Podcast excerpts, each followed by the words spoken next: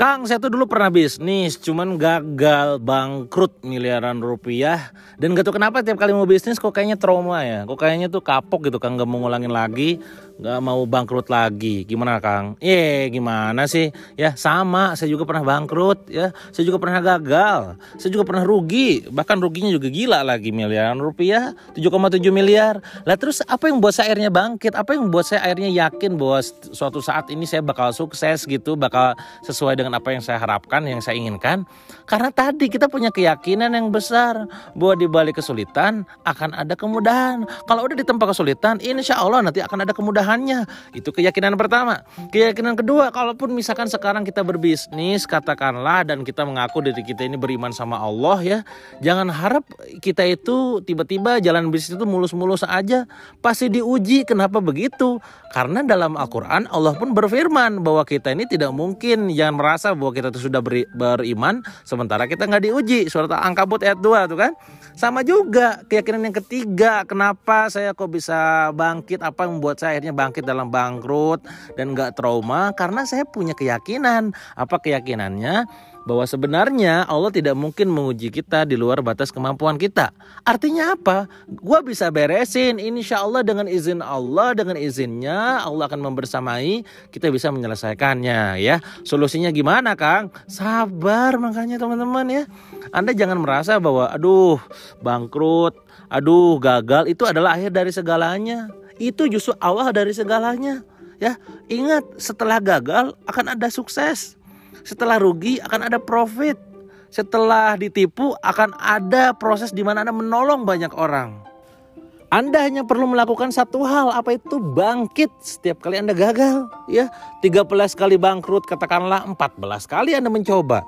14 kali bangkrut, 15 kali Anda mencoba. Karena bisa jadi di satu langkah terakhir itu, di situlah sukses Anda. Jadi sekali lagi jangan pernah menyerah, jangan pernah putus asa ketika kegagalan, kebangkrutan, kerugian menempa Anda. Ya, sekali lagi jangan sampai kayak begitu.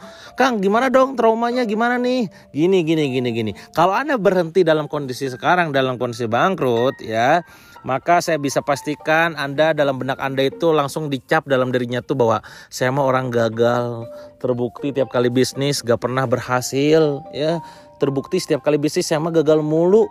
Pertanyaannya adalah apakah Anda mengizinkan diri Anda dicap gagal? Tentu tidak bukan? Bagaimana Allah menciptakan kita ini sempurna? Sebaik-baiknya bentuk. Laqad khalaqnal insana fi ahsani taqwim. Ya bagaimana Allah menciptakan kita dalam sebaik-baiknya bentuk? Jangan ngerasa ngecap diri gagal. Yang gagal itu bukan andanya. Yang gagal itu rencananya. Yang gagal itu strateginya. Yang gagal itu mungkin dari tips ataupun trik jalanin bisnisnya. Jangan sampai mengecap diri Anda tuh gagal. Gak usah trauma-trauma kayak begitu, gak ada faedahnya ya mulai sekarang ayo bangkit ya mulai lagi dari nol kalaupun dari minus coba lakuin lagi wong saya juga pernah minus kok ya bangkit teman-teman ya yakinilah bahwa di suatu saat nanti anda tuh bakal sukses tragedi masa lalu Anda akan berubah jadi komedi di masa depan. Ketika Anda sudah sanggup menertawakan masa lalu Anda, maka di situ adalah sebuah pertumbuhan. Ketika Anda sudah bisa menertawakan hal-hal yang mungkin ih kok bisa ya gua dulu kayak begini, kok bisa ya segininya, nyari duit kok gini-gini amat ya gitu kan. Suatu saat teman-teman akan menjadi bumbu dan cerita indah di masa depan. Anda bisa cerita ke karyawan Anda yang baru, ke keluarga Anda, ke anak-anak Anda. Papa tuh dulu pernah bangkrut, saya itu dulu pernah ketipu, kok bisa gua bego dulu ya gitu kan. Itu jadi cerita indah dan gak akan indah kalau kita gak ngalamin bangkrut dulu hidup cuma lurus aja gak ada cerita serunya ya jadi tabung kegagalan Anda sekarang untuk diceritakan di masa yang akan datang. Ya, sekali lagi jangan pernah menyerah dalam kondisi bangkrut, terus semangat karena ingat ujungnya pasti menuai kesuksesan selama apa? Selama Anda yakin bahwa Allah tidak menguji kita di atas ataupun di luar batas kemampuan kita. So, semangat jangan menyerah.